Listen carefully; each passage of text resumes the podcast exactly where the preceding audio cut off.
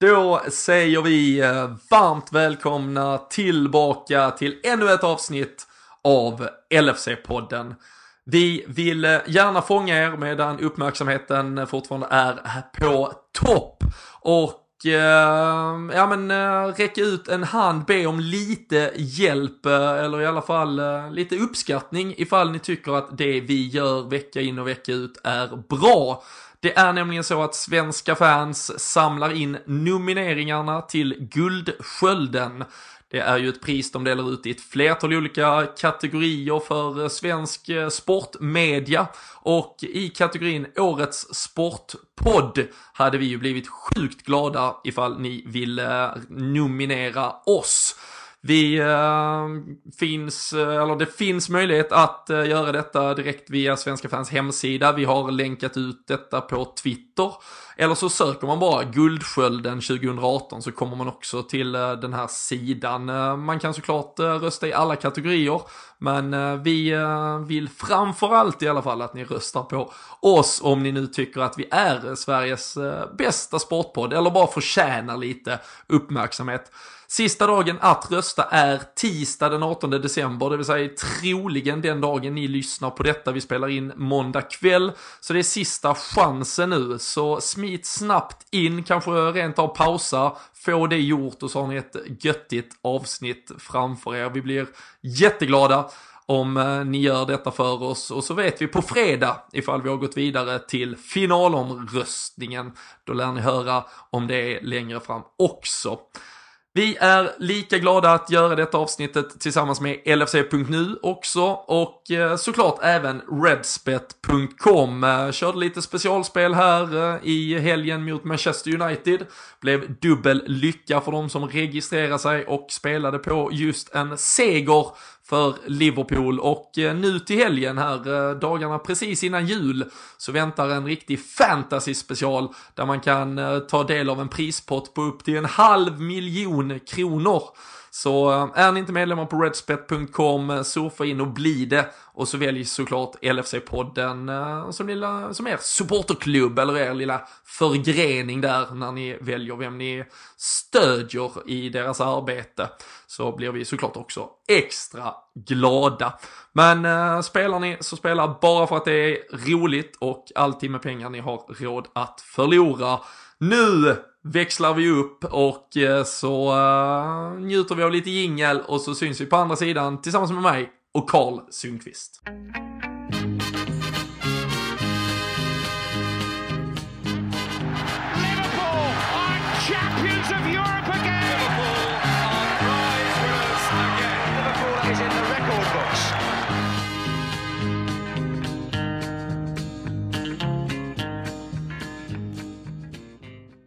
Jajeboxingen, eh, då sitter vi redo och jag har fått eh, härligt, mysigt, behagligt sällskap. Och det var länge sedan vi satt här, Kalle, men eh, varmt välkommen in i värmen denna måndagkväll. Tack så mycket. Det var, det var faktiskt länge sedan vi körde tillsammans. Så att, eh, du nämnde mysigt där. Dagen till ära har jag faktiskt eh, tänt lite ljus och grejer där, så att det känns, eh, känns jävligt behagligt att komma in komma in i värmen här med dig nu en dag som den här när det bara blåser positiva vindar egentligen. Ja, precis. Känslan är fan, du är nog mysigast i podden tror jag. Är, ja, kanske. Du, du är jävligt myskompatibel med lite ljus och en god kopp kaffe. Raggsockar kanske rent av. Nej, in, ja, inte än, men de kommer nog snart. Den, den enorma kylan har inte kommit ja. än. Men eh, nej, den titeln tar jag nog eh, på mig. Det är väl bättre än eh, han ja, finns... Dejan Lov, poddens Dejan Lovren och poddens Jay Spearing och allt fan vad alla heter. Så att mys, mysig kan jag nog... Eh, den titeln kan jag bära med stolthet. Ja, det ska du. Vad har vi för eh, snöstatus uppe i Söderhamn? Har det börjat uh, fyllas upp? Ja, i natt kom det en del faktiskt. Så att nu, nu är det lite vitt på backen. Så att uh, jag är ingen snöfantast så, men lite vitt kan alltid glädja och ljusa upp vardagen lite grann. Ja, för den är uh, utöver Liverpools uh, fantastiska frammarsch så är den fan i mig mörk just nu. Det kan vi nog alla konstatera. Men som sagt, det är ju tur vi har det där stora röda ljuset, julen till ära och allt uh, som lyser upp dessa dagar. Vi bara fortsätter och fortsätter och fortsätter. Och igår så var det ju dessutom faktiskt ett litet spöke som skulle släckas. Vi hade inte besegrat Manchester United sedan 2013 tidigt på hösten den säsongen. Som vi sen vet hur den gick och vad det blev för fantastisk av den, även om det inte räckte hela vägen. Eh, nu, eh, nu gör vi det återigen och uh, inget kunde väl vara skönare egentligen. Nej, verkligen inte. Uh, det visar väl bara ytterligare en gång till egentligen vilket, eh, vilket lag vi är och vilket lag vi har blivit. Sen att eh, Manchester United inte är vad de har varit, det, det är en helt annan femma, men det tar inte bort våran insats för, för fem öre tycker jag. Så att det absolut eh, inget snack om saken och det är ganska intressant egentligen att sitta och höra diskussioner i, i diverse studios både i svensk och brittisk TV där det är lite ombytta roller egentligen mot för vad det, vad det har varit historiskt de senare åren med, med tränarbyten som inte har liksom fallit väl ut och så vidare. Så att det, det är skönt att vara tillbaka på, på den andra sidan om man får säga så. Ja, är det någon som hade sagt liksom där, typ sommaren 2010 när uh, Sir Alex fortfarande var i någon form av prime och Liverpool hade eh, med nöd och näppe liksom, vi tog oss igenom en konkurssituationen Roy Hodgson som ledde skeppet i, ja, rakt över stupet i stort sett och att vi skulle ha 19 poängs försprång mot vår eh, stora rival åtta år senare. Jag vet inte om jag hade hade lyckats ta det till mig. Jag tror man hade fått banka in det i huvudet för att jag ens skulle orka med att försöka förstå vad som kan hända av eh, ett eh, idogt och eh, troget och träget arbete från alla inblandade egentligen. Absolut, det, det håller jag med om till 100 procent. Det är svårt att om man liksom tänker tillbaka, det behöver inte vara allt för många år i tiden egentligen, men om du ser det så långt bak som du, som du nämnde där med Mary Hodgson så hade man ju inte trott att vi... Dels där och då trodde man ju aldrig att vi skulle nå de höjderna vi gjorde undan Brendan Rodgers. Men nu, nu har vi liksom tagit det ytterligare ett steg till och kanske två steg till och med med avancemangen i, i Champions League som det har inneburit och sådär. Så att eh, Nej, det är... Eh, det är oerhört glädjande och det är bara att försöka surfa på den här vågen så länge det varar nu. För att är det någonting man känner igen så har det ju gått i, i cykler. Men vi hoppas att det här är en lite en lite mer långvarig period av, av framgångar och att det mynnar ut i någon form av titel förr eller senare. Ja, eh, ja men absolut. Och det, det behöver vi ju liksom inte, inte linda in mer än så. Det är ju klart att alla som, eh, som sitter och lyssnar på detta, alla vi som sitter och pratar här vecka efter det är klart att liksom drömmen om titeln är, det, det är ju det stora, självfallet. Eh, men jag, jag hoppar, jag försöker själv påminna mig nu, jag vet att jag är dålig på det och därför eh, kan jag i alla fall försöka påminna andra som kanske har lättare att hantera det, att se, se till att njuta av var Liverpool är idag när vi sitter här den 17 december 2018. För det, det är, eh, det, det, är liksom, det är otroligt ljusa tider och vi har varit nere i källarmörker och tagit oss hela vägen upp och vi, vi är en generation, nu pratar jag om kanske då oss åldersmässigt som, som gör detta tillsammans. Jag vet att många av våra lyssnare är i samma situation som, som egentligen aldrig har haft anledning att sitta och smila och verkligen njuta av eh, situationen. Säsongen 13-14 var ju någon form av ett luftslott som, som fick bära eller brista och det, det brast till slut. Eh, men eh, nu har vi ju verkligen något helt ja, men, fundamentalt fantastiskt på gång och eh, nu släckte vi som sagt ett spöke till genom att visa att vi även, oavsett vad José Mourinho och Manchester United försöker göra för att liksom neutralisera oss i en match över 90 minuter så, så är vi storleken större där också. Vi har en växel som, som de inte kunde hänga med i när vi väl valde att växla upp. Så eh, äh, det, är, det är verkligen eh, fantastiska tider och vi ska, vi ska såklart äh, ta hela gårdagsmatchen och plocka ner i, i molekyler. Sen har vi också haft Champions League-lottning idag som vi såklart ska ta oss in i och sen väntar då Wolverhampton eh, redan på fredag faktiskt. Så det är ju det är fredagsmatch. Vi, vi inleder julhelgen lite sådär eh, smygtidigt och eh, får, eh, får chansen att förhoppningsvis sätta press på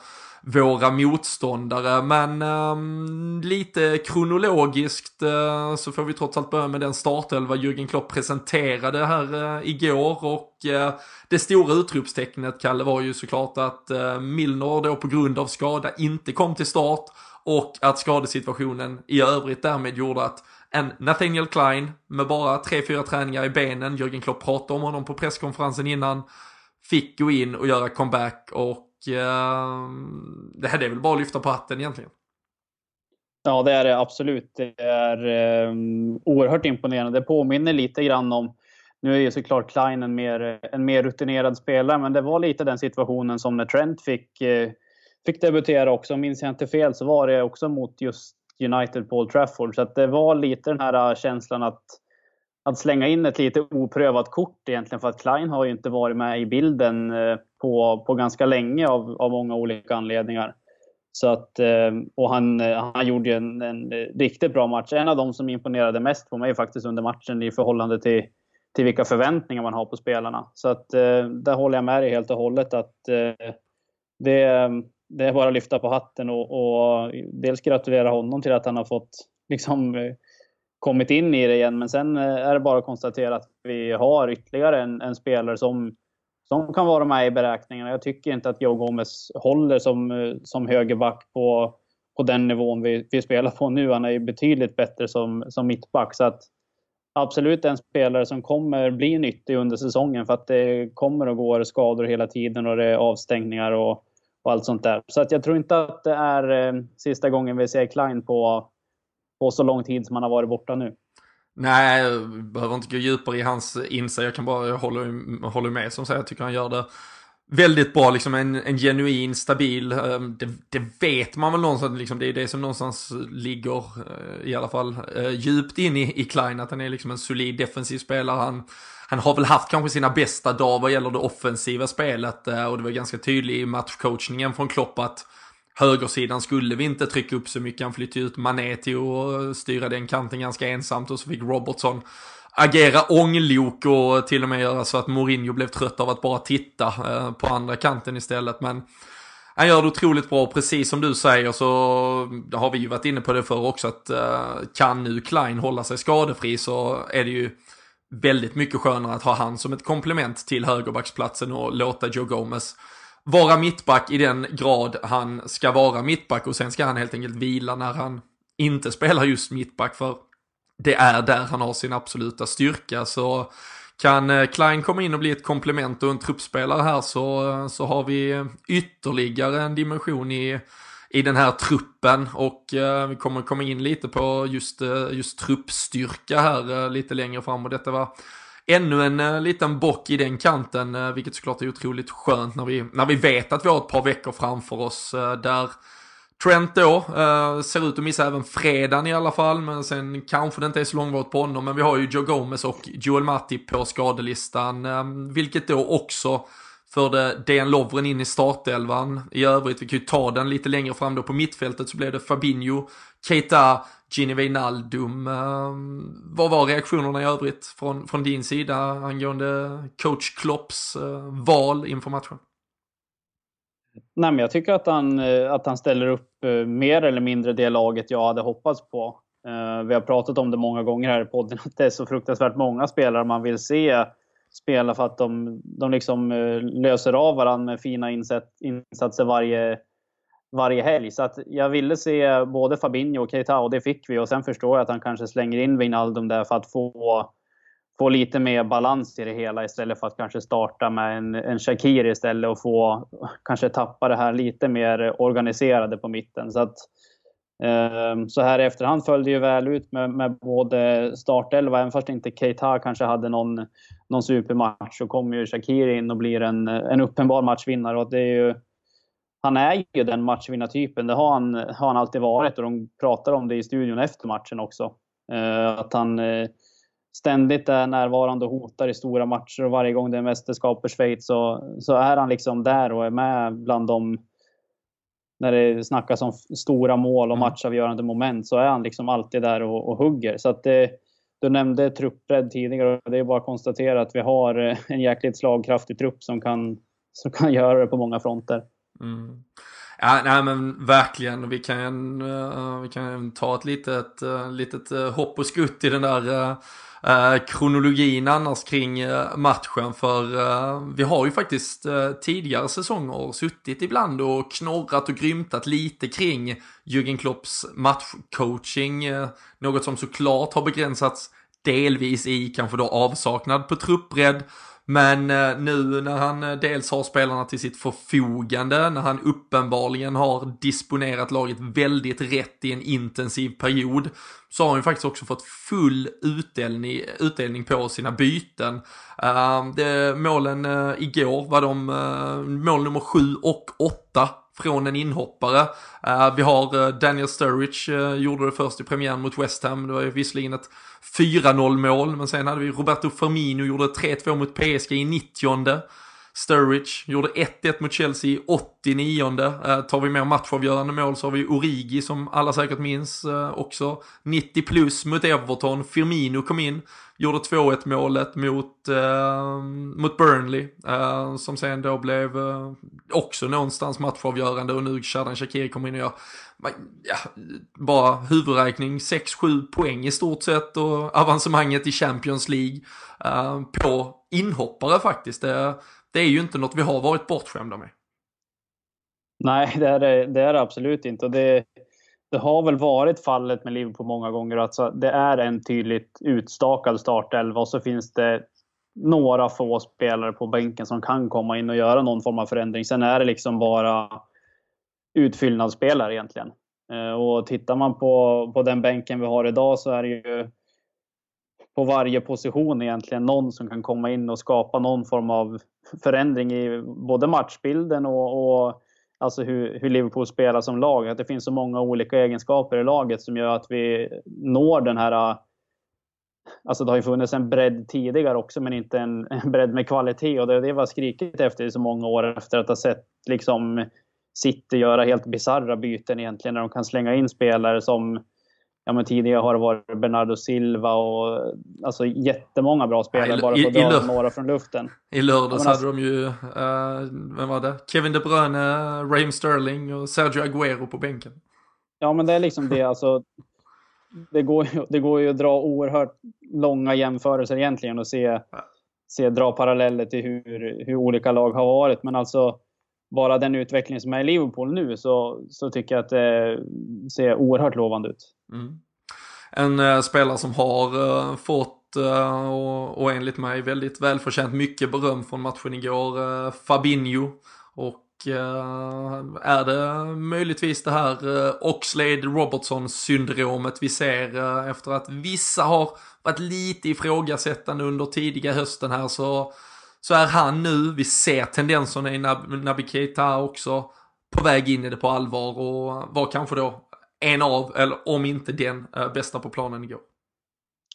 Ja, jag tycker att han absolut var bäst på planen i Liverpool. Framförallt i, i första halvlek var det en... Hade man varit liten knatte liksom och suttit och tittat på matchen så var det en, den typen av insatser egentligen som skulle kunna göra att man börjar hålla på ett lag. Jag tyckte att han var helt, eh, helt fenomenal i allt han gjorde egentligen.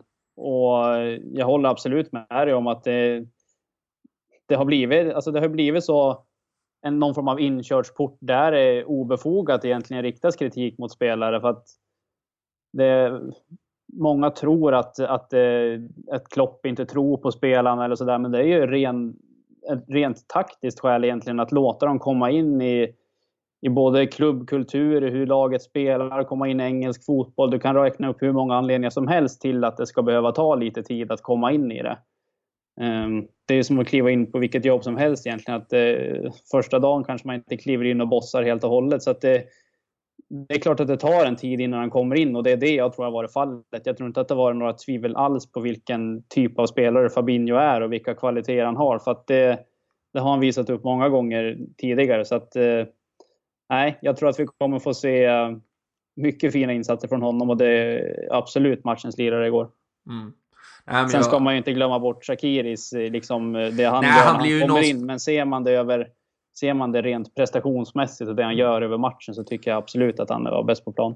Ja, det är väl någonstans, man får någonstans kategorisera det som liksom matchavgörande spelare blir såklart Shakiri, men, men liksom bästa och mest dominanta spelare tycker jag absolut att eh, Fabinho också är och jag tycker det är väldigt klokt av eh, Klopp att, eh, och ja, vågligt ska jag ju inte säga, det är det ju såklart inte, det hans, hans jobb är att ta ut bästa spelare, men när Milner då faller ifrån också, då tar han ytterligare beslutet att ändå sätta Henderson på bänken därav ingen av de här kaptenerna återigen, trots att det är Manchester United. Ja, man såg mycket snack innan, liksom, vågar Klopp plocka bort en, en Henderson inför en match som, som denna mot Manchester United? Och jag tycker det någonstans är, blir det slutliga beviset här. Klopp kommer laborera, han kommer förändra, men han kommer absolut inte sätta några liksom, ja, men fasta värderingar i vem som av principskäl ska spela vissa matcher, utan han kommer ta ut det bästa laget den givna matchen och eh, med tanke på den matchbild som förväntades och som sen kanske i och för sig inte infriades helt och hållet första 25. Jag tycker United stod lite högre än vad jag faktiskt hade förväntat mig men de följer ju allt längre och djupare ner hela tiden och Fabinho tycker jag vi har sett har en mycket, liksom, en bättre passningsfot i det raka. Han vågar spela lite aggressivare passningsspel. Med Jordan Henderson så kan det bli ganska, eh, liksom, ja men ganska stelt och liksom inte så vi får kanske inte riktigt farten på bollen när ett Manchester United så gärna vill dra ner på tempot och jag tycker att Fabinho var högst delaktig i att, ja, han sätter ett par bollar för långt, han misslyckas med bollarna in bakom, men det är också den här bollen som till slut då dimper ner på bröstet på Sadio Mané som skapar 1-0 och som löser upp liksom den första knuten och där är det ju såklart en briljant eh, boll av just Fabinho. Jag tycker hela hans sätt att skapa sig själv ytan, han ser att han har den, backar ett par steg, hämtar bollen, första touchen, lägger in den fantastiskt snyggt och sen så får Mané kanske den utdelningen han eh, la lite på is mot Napoli och inväntade, men eh, det var väl lägligt att det kom igår istället. Ja, absolut. Han hann ju skjuta in sig lite grann i, i veckan mot Napoli, så att eh, det, det, hängde väl i luften att han skulle näta idag. Men jag håller med dig absolut kring allt du säger där om Fabinho egentligen. att Han har egentligen allt det som inte Jordan Henderson har. Det låter hemskt att säga det, men han har, som, som du även nämner, han har ju en betydligt bättre passningsfot som, som sätter lite tempo på bollen och vågar slå den här raka passningen som inte Henderson gör. Och sen tycker jag ändå att han har förmågan att liksom hitta nya positioner hela tiden. Att efter han har han har slagit sin passning så söker han en öppen yta och den, eh, det har liksom inte Henderson riktigt i, i sitt spel för att han är inte den, den defensiva typen om man säger. Så att eh, det, det tycker jag absolut att Fabinho bidrar med. Sen har han ju även en, en fysik som är jäkligt bra. Han har en, en tuff spelstil men ändå som är fair liksom. Och det, det behövs i den typen av spelare. Att det ska smälla lite grann. Lite Lukas, gå in hänsynslöst och ändå liksom gå för det. Henderson har inte riktigt det heller tycker jag. Så att, eh, det är... Eh, nej, jag föredrar faktiskt eh, Fabinho före Henderson som har varit min lilla guldgosse här i tiden. Han kan få, Men, han kan jag, komma upp lov, till... jag får väl lov att släppa det nu kanske. Han kan få komma upp till Söderhamn och sitta vid brasan med dig istället och bara njuta. Han är också, kan vara en mysgubbe han med, tror jag. Ja, jag tror vi skulle kunna reda ut ett och annat faktiskt över en kväll. Ja, vi, eh, vi får lägga fram förslaget i alla fall. Var du också, som jag, alltså om man har sett till de senaste säsongerna så har ju Mourinho verkligen kommit med det här parkera bussen, eh, liksom det har varit mycket snack kring det. Jag upplevde inte, alltså jag, det var nästan en annan typ av sorgsenhet kring hela laget och deras insats den första halvtimmen där de inte ens riktigt visste hur de skulle göra det. Så att säga, alltså de, det, det fanns ingen som helst idé kring vad Manchester United sysslar med den första halvtimmen. Och vi hade ju kunnat leda med 3-0 om vi hade haft lite medstuds egentligen. Ja, nej, men jag håller med. Jag tänkte också på det faktiskt under matchen. Att det, på något sätt kändes det som att de ville, de ville försöka bjuda upp till, till dans men ändå liksom inte tappa defensiven helt och hållet. Och det slutade ju med... Ett jävla mellanläge. Helt, helt plötsligt att de hade liksom eh, en eh, ganska lågt eh, sittande lagdel med, med, deras backar egentligen och ett jättegap fram till Lukaku som inte uträttade någonting egentligen över 90 minuter.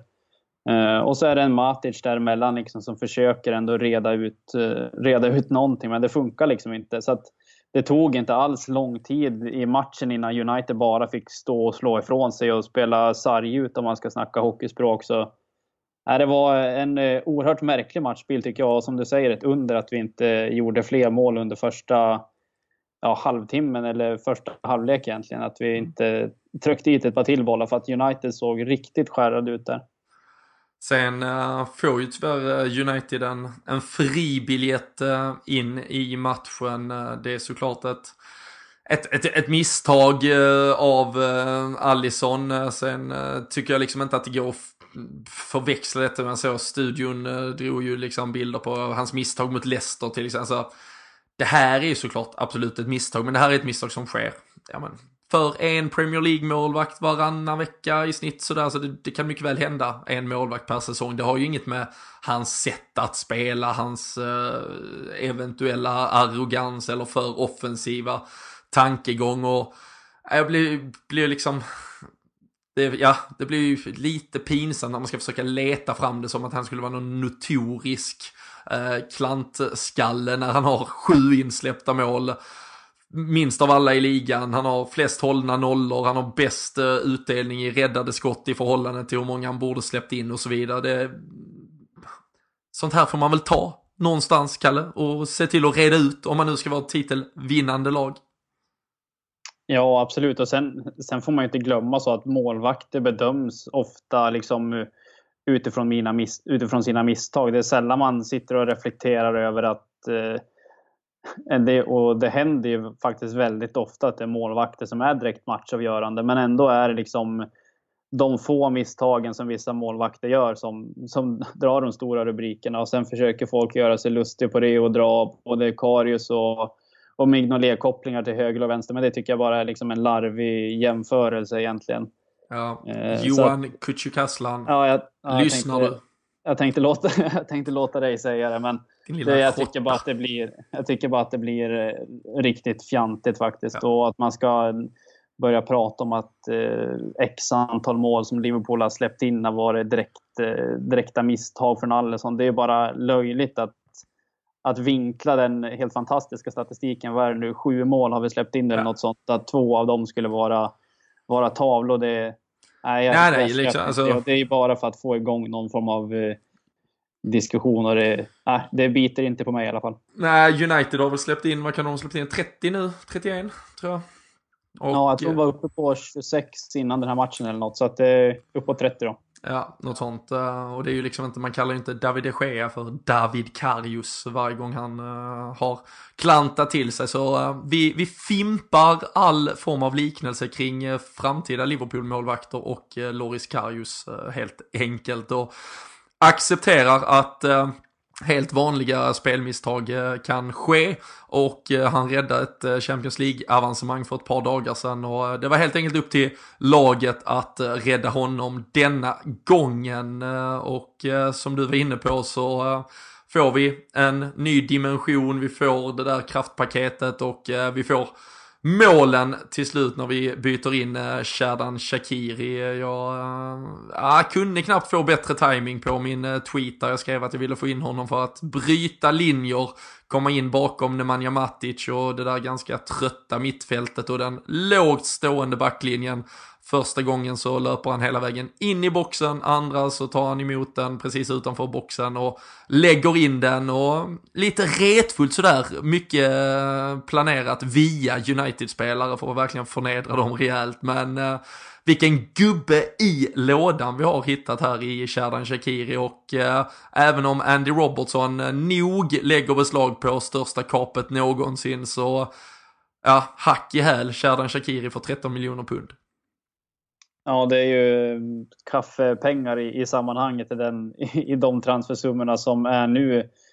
Och det är liksom bara att se vad du får för de pengarna nu. Det är ju, alltså det är ju spelare som har gjort två, tre matcher i Liverpool som går för de pengarna till, till bottengäng. Liksom. Och det är egentligen en helt löjlig summa redan på förhand för, för man, den kvaliteten som Shakiri har. Att det är ingen hemlighet att han var en bra spelare när han kom till, när han kom till Liverpool. Eh, och då kom han liksom bakbunden från Stoke i ett lag som försökte klamra sig kvar i Premier League. Och då, då är inte riktigt Shakiri den gubben som, som ska göra det, utan det är en annan typ av fotboll som utspelar sig då. Så att, det finns eh, absolut ingenting negativt att säga om den, den värvningen och han har ju visat det flera gånger om nu att jag vet inte hur många mål han är uppe på men det måste vara 4-5 åtminstone. Ja, 4-5 i ligan i alla fall va? Ja. Så att, uh, fem ligamål har han. Han gjorde mål mot Cardiff när vi var där. Han gjorde mål mot Burnley 3-1 och uh, sen gjorde han då två här nu och så gjorde han mot Fulham på Robertsons inlägg när han daskade dit den. Så fem mål redan är ju såklart. Och det har vi pratat, och nu kan man ju säga vad man vill om vilken position han exakt eh, har, men mål från mittfält har vi ju liksom skrikit efter sen Steven Gerrards tid i stort. Och Philip Coutinho såklart som också var någon form av eh, roll där mitt emellan. Men uh, ja, det är ju underbart att se att vi får till det och just att han har det där skottet, eh, han vågar, han går in och liksom behöver inte finna sig till rätta i något system utan han eh, verkar också spela med ett förtroende som såklart är uppbyggt av Klopp att oavsett om du spelar från start så är du extremt viktig när du väl kommer in och han eh, ser ju sannoliken ut att trivas. Eh, spelar ju inte den viktigaste rollen i den ordinarie startelvan kanske men i truppen så växer han ju numera ut till ja, en, en, en fem plus-spelare som är av otrolig vikt, vare sig han startar eller börjar på bänken helt enkelt. Ja, det är han absolut. Han, som du säger, han bidrar ju med, han bidrar med så mycket eh, olika saker. Han har ju både mål i sig, en eh, bra passningsfot och fasta situationer. Sen är han ju den typen av spelare liksom som kan eh, slita upp ett, ett mittfält egentligen. Nu kommer jag inte ihåg hur det var just igår, om de bytte ut Herrera före vi satte in Shakiri, men det vart ju liksom en en dröm åt båda vägarna där egentligen. För att uh, Matic vart ju helt uh, lämnad uh, själv på att försöka styra upp det där katastrofala laget helt plötsligt. Och då passar det inte... Alltså det är ju...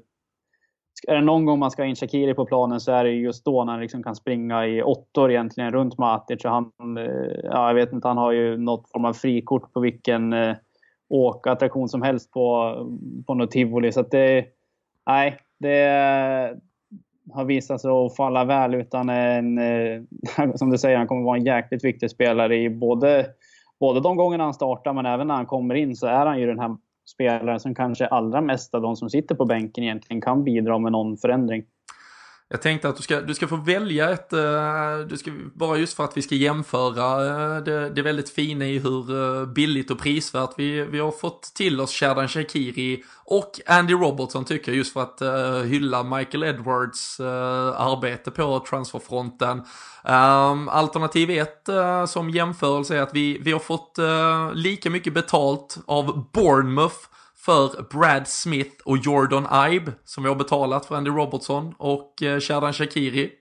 Alternativ 2, då jämför vi med Manchester City, då har vi alltså fått Andy Robertson, Sherdan Shakiri och Gini Wijnaldum för en miljard mindre än vad City har köpt på samma position Benjamin Mendy, Ilkay Gündogan och Riyad Mahrez. Uh, vad är favoritjämförelsen? Ja, man måste ändå på något sätt ställa det i jämförelse att, eh, att välja det sista alternativet. Eh, jag trodde du skulle ge mig något, någon form av humoristiskt vad man kan få eh, två Red Bull Vodka för nere på Yates i Liverpool. Att, något i den stilen. Men man kan väl dra den jämförelsen en annan gång kanske. Ja, den, uh, några till får man för en, för en Andy Robertson. Men uh, det... Jag tänker mer på att det är oerhört billigt och det kan ge... Det kan ge full effekt. Ja, det kan ge full effekt. Det kan vi absolut göra. Äh, verkligen. Eh, annars, eh, som sagt, lite omstruktureringar i backlinjen. Jag tyckte Dejan Lovren gör det väldigt bra, även om han inte sätts på, på några större prov. Hur, eh, ja, men hur känner du allmänt kring, om, om vi nämner de här spelarna som inte kanske riktigt kommit igång. Dejan Lovren kom in, Keita som kanske fortfarande har lite att bevisa. Roberto Firmino tyckte många gjorde en av sina bättre matcher på länge. Vad, vad, är, vad är känslan kring de här spelarna som kanske inte än har kommit upp på full gas jämfört med vissa spelare som såklart sticker ut? Ja men alltså ska man se till, till Lovren egentligen så har väl han haft en höst som har varit kantad av både, både det ena och det andra egentligen. Han kom tillbaka sent efter en lång semester från VM med någon, eh, med någon underlig skada i, i magen eller vad var det som han hade dragit på sig och där eh, försvann han ju en tid. Plus att han har kantats av eh, lite andra skador och sjukdomar och sådär. Så att eh, han har väl inte varit saknad på det sättet heller i och med att Gomes har varit så, så fruktansvärt bra. Men han, vi vet att Lovren är en, en bra back. Sen är det ingen hemlighet att han alltid har något misstag i sig. Men jag tror ändå att han tyglas på något sätt av, av att spela bredvid en sån som van Dijk och ändå mm att det, det blir ett annat lugn. Eh, vad det gäller Keita så har väl han fortfarande lite, lite kvar att bevisa och jag känner ofta när han spelar att han, han är liksom ute på sin egen eh, lilla resa liksom och försöker göra... Han, han faller lite utanför systemet ibland känns det som att han hamnar mellan två, två lägen. Att han ska försöka ta någon form av defensiv roll samtidigt som han vill eh, vara offensiv och, och och skapa någonting. Ja, men igår hade han väl också den här lite James Milner-rollen på mittfältet där han lite ska täcka upp bakom Robertson när han uh, går fram. Låg ganska mycket till vänster på mittfältet när Mané någonstans skötte, skötte högerflanken. Vi, vi ställer ju nästan upp i en 4-4-2 uh, eh, inledningsvis i vissa situationer för att liksom möta Uniteds uppställning och som du säger, jag tycker liksom i när han blir väldigt involverad i så att säga hetluften när han får liksom eh, något eh, flinkt, eh, snabbt passningsspel och när, när, han inte behöver tänka så mycket. Då ser man att han har kvaliteten i sig. Men som du säger, det är inte alltid han följer helt med i ramarna i förhållande till övriga laget. Sen ska man ju komma ihåg, visst, det är ju någonstans är väl det numera en ålder på fotbollsspelare, men han är 95, han är 23, Divock Origi är väl, är väl lika gammal till exempel som då ses som någonstans ung och lovande. Det är den här eh, ja, för och nackdel med att eh, ha redan breakat och slått igenom kontra någon som kanske då fortfarande väntar på att nå någon högsta nivå. Så det, man får väl förvänta sig kanske då en lite lite, lite längre inkörsport för eh, honom här och sen tror jag att vi har en ja, men en helt fantastisk spelare på våra händer ändå. Och eh, som vi har pratat om till, till förbannelse i denna podden så kommer just mittfältet behöva roteras och förändras eh, för att liksom kunna eh, hantera vilken typ av motstånd som helst. Och jag är övertygad om att han kommer göra sina 20-25 matcher till den här säsongen och vara av yttersta vikt för, för det här laget ändå. Så ehm, det känns som att eh, det ändå börjar startas upp något. Eh, i honom. Uh, tycker där är lite, lite bättre fart och lite mer uh,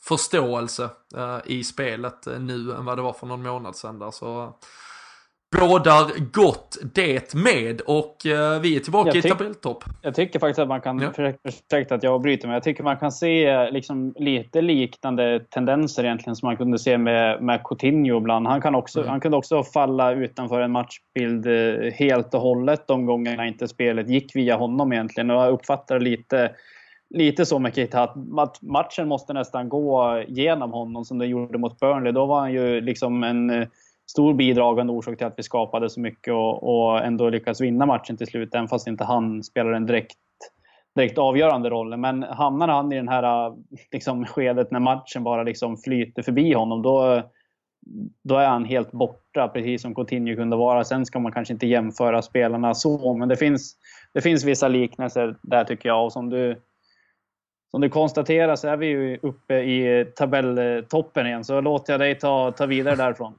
Nej, men det, ja, men det är egentligen bara att konstatera att där, där finns fortfarande ännu mer i det här laget. Det har vi också pratat om så, så många gånger här. Men, men det är liksom inte de här ja, men fem plus insatserna där man bara sitter och liksom eh, avgudas eh, allt och alla och allt de gör på plan. Utan det är, alltså, vi gör ungefär det som det här laget har i sig vilken dag som helst. Och det är ju någonstans den den yttersta charmen och det kanske absolut ja, men yttersta beviset om någon nu känner att man behöver det på att vi faktiskt mycket väl kan komma att utmana Manchester City om det här hela vägen in. För det är inte så att vi spelar galaktiskt och att alla spelare är liksom utom sig och spelar på en nivå som skulle vara omöjlig för dem att hålla i 38 matcher. Alla kommer upp på liksom en, ja, så här, 8 av 10 nivå i stort sett varje match och sen är det där en, två som sticker ut gång efter annan. Och det är liksom, kan mycket väl vara olika spelare från match till match som gör den där, eh, bidrar med liksom slutprodukten och det är absolut avgörande. Och det eh, Ja, där är en stabilitet och en styrka genomgå i den här, eh, i den här truppen som ja, kan, kan ta oss med på drömmar och på vägar mot eh, något eh, som verkligen eh, vore vackert eh, i slutet av säsongen när vi ska summera allting i maj. Men eh, vi eh, behöver beta av Wolverhampton också på fredag för att eh, sen se om vi får fira jul i tabelltoppen. Eh, något vi däremot vet att vi kan fira jul som det är som slutspelslag i Champions League. Det blev vi ju klara för eh, förra veckan och eh, idag vid lunchtid så lottades åttondelsfinalerna. Där var ju lite nationsspärrar, Manchester City kunde vi inte få, vi kunde inte få PSG som var i vår grupp sen tidigare och sen när lotterna föll bort en efter en så kunde man även inför sista eller näst sista lotten konstatera att det var klart och det var Bayern München som väntade oss. Det var ju vi och Ajax eh, som var kvar där. Real Madrid och Bayern München de sista topplagen kvar och eh, vi visste ju då att Ajax inte kunde få Bayern för de var i samma grupp. Eh, nu ska vi faktiskt, när vi har spelat färdigt här idag så, eller spelat in detta färdigt, så kommer jag sätta mig med Kevin Bader från Klacken.nu, Tysklands expert. Eh, full koll på Bayern München och vi ska prata lottningen i sin helhet men såklart Liverpools kommande motståndare i eh, fullt fokus. Eh, så det kommer finnas ett djupare avsnitt om hela den här Champions League-lottningen tillgängligt på podmi.com. från och med tisdag. Så för den som vill ha mer om Champions League så rekommenderar vi att man signar upp sig och kan ju vara perfekt här inför lite julledighet också. Man får en hel månad gratis och då kan man lyssna igenom arkivet med massa roliga intervjuer, specialavsnitt, resereportage och eh, annat gött. Men eh, Kalle, du ska såklart få säga ditt om eh, det här som du redan hade spott i spåkulan eh, tidigt i morse. Ja, precis. Sed, eh, I sedvanlig ordning brukar jag försöka göra någon form av eh, fiktiv lottning och se om man lyckas eh, träffa någon rätt. Och det gjorde man ju den här gången. Att jag hade lyckats lotta ihop Liverpool med Bayern München som på något sätt var, det var väl min drömlott.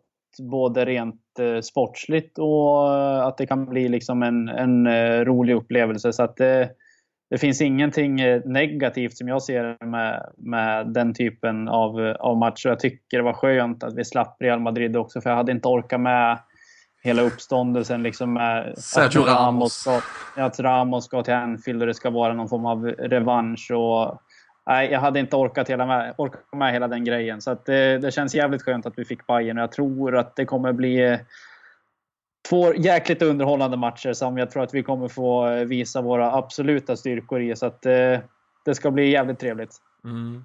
Det, det ligger ju en bit fram i tiden. Vi, vi inleder ju hemma på Anfield den eh, 19 februari och eh, sen avgörs allt på Allianz Arena i München den 13 mars. Så det är faktiskt tre månader fram i tiden här. Mycket kan hända, men vi kan ju konstatera att det är ett Bayern München som sackar efter i den tyska tabelltoppen. det hör ju såklart inte till vanligheterna.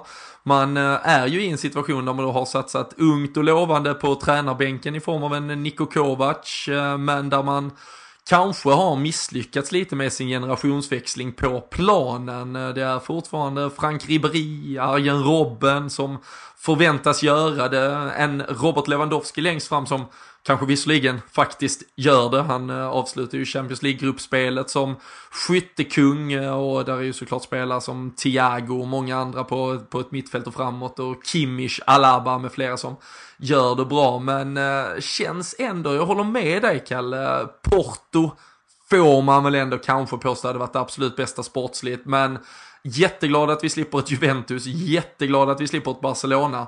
Jätteglad att vi slipper ett Real Madrid. Det är många som pratar om att ja, vi ska ta revansch hit och dit, men nej.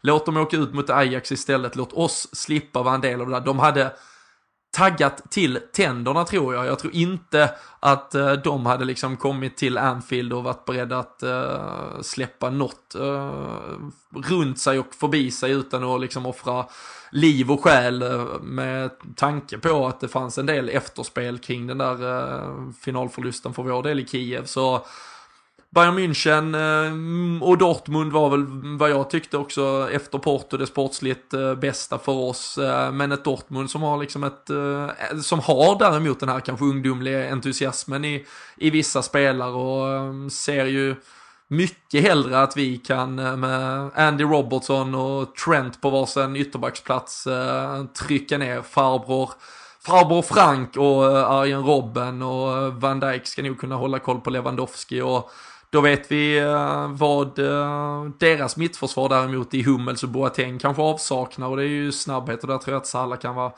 extremt viktig och, och ställa till det ganska mycket. Så eh, jag håller med dig om att det, det är eh, till mångt och mycket en, en riktigt, riktigt fin lottning och eh, ser fram emot att höra från Kevin här vad, vad status faktiskt är. Det är väl lite kanske Manchester United-situation där Mourinho då i det fallet och Niko Kovac eventuellt också kan hänga lite löst, vilket kanske lite dumt timingmässigt skulle kunna bli aktuellt framåt januari och då har de kanske ny energi, men uh, på förhand verkar du också ha en god känsla i alla fall.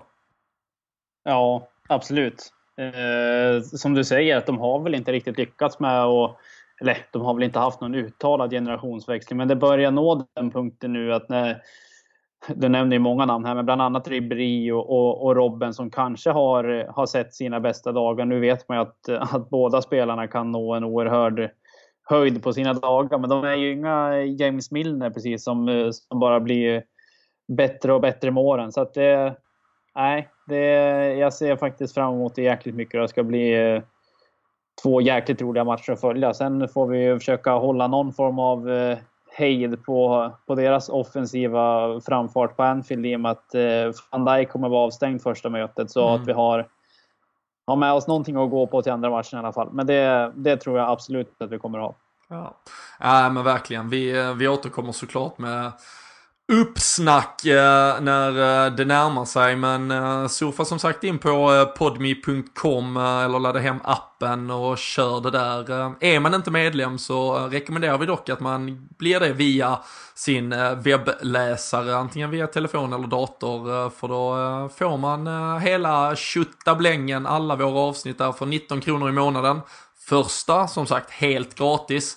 Men kör man via App Store eller Google Play då vill de rackarna ta några kronor också. Så eh, ett eh, spartips eh, så här i juletid är helt enkelt att gå direkt till podmi.com i webbläsaren och registrera er den vägen. Vi kan väl för att vara vänner av ordning konstatera att övriga åttondelsfinaler blev Schalke mot Manchester City, Atletico Madrid mot Juventus, Manchester United mot PSG, Tottenham mot Dortmund, Lyon, Barcelona, Roma, Porto, Ajax, Real Madrid. Uh, är det något uh, utöver, man får väl ändå säga att vi står för tungviktsmötet med all respekt för United, Paris, uh, något annat, någon match som uh, kliar lite hos mysfarbror Sundqvist? Nej, nu har vi passerat, passerat gruppspelet där man kan ligga och, och och mysa till lite smått och gott. Men nu, för min del nu är det bara Liverpool som gäller så att eh, full, eh, full fokus på det. Sen kan man alltid hitta några godbitar när det väl eh, när det väl bär av. Men det, det kan vi återkomma till då och se om det är något, något gott som visar sig då. Ja, nu hoppas vi på eh, sportslig framgång i form av att eh, liksom andrahandsfavoriten vinner alla övriga matcher helt enkelt. Eh, och att vi får så enkel väg som möjligt. Eh, men eh, vill ni ha mer om den här Champions League-lottningen så eh, lyssna in vårt specialavsnitt Eh, vi eh, vandrar framåt eh, mot fredagen istället, Kalle, och eh, blir eh, tidigt julfirande. Vilken jävla start på julledigheten för alla oss som jobbar fram till och med fredagen. Att kunna sätta sig, knäppa upp en bärs, njuta av livet och så förhoppningsvis då se Liverpool ta ytterligare tre poäng. Men eh, det är mot ett Wolverhampton som dels är i eh, fin form. De eh, vinner och vinner och vinner, vunnit de senaste matcherna och dessutom så har de ju gjort det svårt mot toppkonkurrenterna. Bland annat så stal de poäng just på hemmaplan mot Manchester City. Så vad tror du att vi har att förvänta oss uh, när vi uh, åker till Molineux?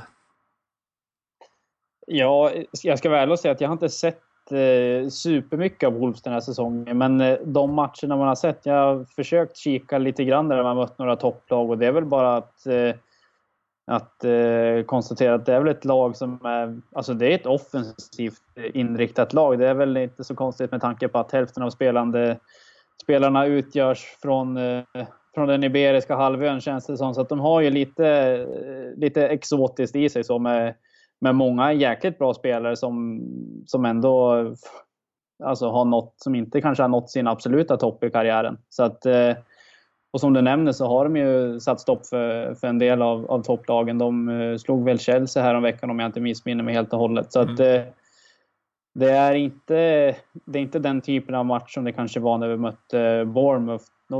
Trots att båda spelar en offensiv fotboll. Men jag tror att vi kommer få det, få det lite tuffare än så. Så att de ligger lite inträngda mellan både Everton och, och United i tabellen. Så att det, det är Klassisk, inget... Eh, klassiskt mittenlag. Ja, precis. Så det är inget, eh, det är inget eh, bottengäng vi, vi går och möter, utan de har kommit in som en frisk fläkt i, i Premier League och tycker jag gör det, gör det jäkligt bra faktiskt. Nej, men jag håller med. De, de, har gjort, de har gjort det väldigt bra. Jag tror många som spelar fantasy eh, manager till exempel, har fått upp ögonen för ett par av spelarna. De spelar ju väldigt, ja men ett, ett väldigt offensivt wingback eller 3-4-3 eller 3-5-2 variant. Uh, Doherty till exempel på ena kanten och uh, ja men är frediga liksom i sitt uh, omställningsspel men även liksom vi såg hur Portugal tog ett EM-guld här 2016. Eh, lite, lite den approachen till vissa av matcher också. Väldigt eh, organiserat och stabilt. Och så styrs det ju eh, med Moutinho som ett ankare och Ruben Neves som eh, kanske då lite mer kreatör. Även om han också ligger väldigt de ligger väldigt, eh, liksom, finner mycket defensiv yta för att liksom hålla boll och kontrollera spel det de kan och blir liksom således inte uttröttade genom att behöva försvara, försvara, försvara. Ehm, även om det kanske enligt tabelläge borde vara så lite oftare utan de har ju en ganska liksom, bra grundtrygghet i sitt spel Nu har även Jimenez längst fram fått det att lossna lite så det är absolut något att Liverpool måste se upp. Sen är frågan hur Wolverhampton kommer hantera den matchen. De har ju inte gjort så mycket byten. De har haft en, jag tror de började de första, de var första sju eller åtta matcherna spelade de samma startelva rakt upp och ner. Sen har de såklart gjort några byten men deras truppbredd är ju inte enorm och nu vet vi att det väntar ett väldigt intensivt spelschema här kring jul och det skulle ju kunna vara lite beroende på var de ser sin chans i att faktiskt slå Liverpool så skulle man ju kunna hoppas att de eventuellt annars tar ett par byten denna matchen för att komma in med friska ben till, till mellandagarna och nyårsspelet sen och eh, Liverpool har såklart också en sån taktisk eh, liksom dispo, dispositions, eh, vad säger, liksom balans i förhållande till hur man ska disponera sitt lag.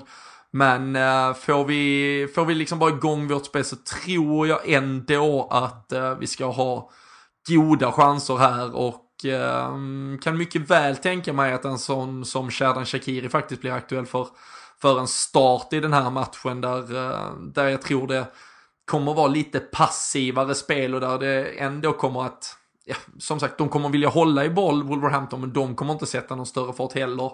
Och jag tror att vi kan ganska enkelt kontrollera vår, liksom, vår försvarszon utan att behöva slänga in arbetar mittfältet igen helt enkelt.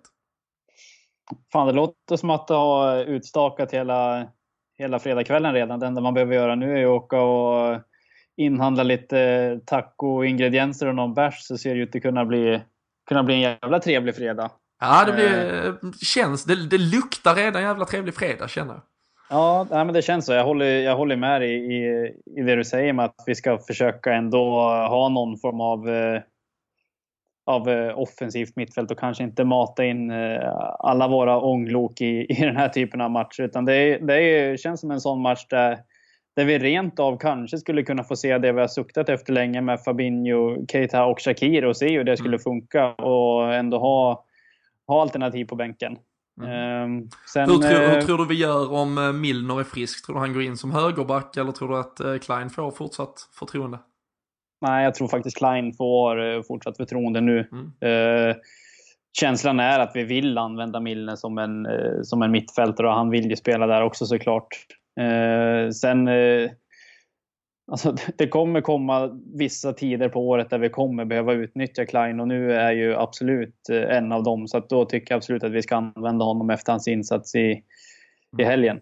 Så jag vill bara konstatera att vi får återse Connor Cody också som är en gammal mm. Eh, Liverpool-bekantning som faktiskt är, han är väl kapten i Wolves vilket ja, är... Jag tror han gjorde match 150 här, här om veckan så han har ju blivit växt ut till en ikon.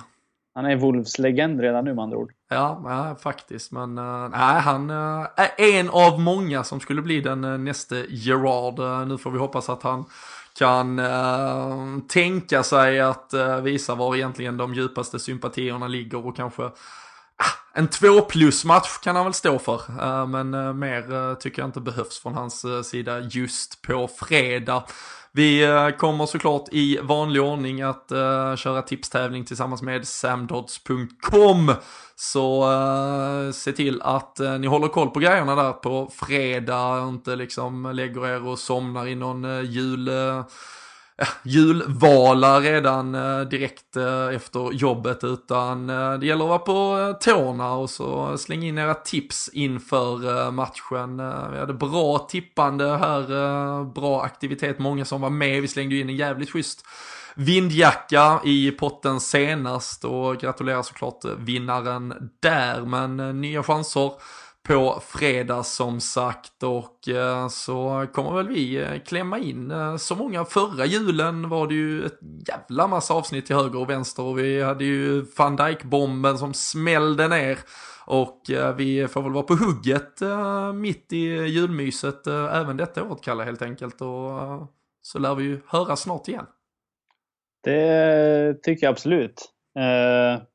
Jag hade ju förmånen att vara nästan, nästan fira både jul och nyår i Liverpool förra året. Så det var, eh, det var jäkligt trevligt med både, både en riktig cross och en krigarmatch. Att vi hoppas på att vi kan få se något liknande den här julen och att vi går in i det nya året fortsatt obesegrade. Så så är vi på god väg in på vårkanten där vi också brukar ha våran, eh, våran finaste tid, eh, är känslan av rent historiskt. Så det, det är bara kriga på de sista, sista matcherna här nu inför, inför det nya året. Ja, ja, men det ska ju verkligen sägas. Wolverhampton nu som sagt, sen har vi Newcastle hemma på Boxing Day, sen har vi Arsenal hemma den 29 och sen så har vi ju Manchester City på Etihad den 3 januari. Så det är ju två veckor som väntar här som kommer vara ja, både ja, helt underbara någonstans ur ett supporterperspektiv men eh, som kommer att eh, ta på en. Man eh, kommer nog inte komma tillbaka till jobb där efter eh, alla helgerna och vara helt frisk i huvudet beroende på hur detta här har gått. Men det är ju också det vi älskar med jul och nyårsfotbollen. Ska du slänga in ett tips förresten? Så att eh, vi har någon form av koll på vad man inte ska tippa i Samdots-tävlingen. Ja, senast jag var i farten så hade jag ju rätt. Jag tippade ju 1-0 mot Napoli, så att jag får väl eh, gå vidare på, på nollan åtminstone och säga att vi, vi ökar på målskörden lite grann. Så 3-0 säger jag att vi vinner med på fredag. Ja, men 3-0 är ju verkligen taget. Eh, 2-0 eh, säger en lite mer eh, försiktig programledare här, men eh, jag eh, har en god känsla och uh, hoppas såklart att vi eh, uh, täpper igen en nolla hade varit trevligt så att Alisson får visa igen att han är är så bra som vi vet att han är och så kan vi fimpa de diskussionerna. vi kan ju konstatera att Manchester City äh, möter Crystal Palace hemma på lördag och det är väl äh, föga troligt för att cirka, eller sluta denna cirkel. Äh, vi börjar med Roy Hodgson nästan så avslutar vi med honom också och det är väl troligt att de inte har något att äh, sätta emot äh, på Etihad. Så det krävs att vi gör jobbet för att fortsätta pinna på i toppen. Men det hoppas vi såklart att vi gör. Nu eh, tackar vi för att ni har lyssnat idag och eh, så önskar vi er faktiskt också en riktigt eh, god jul.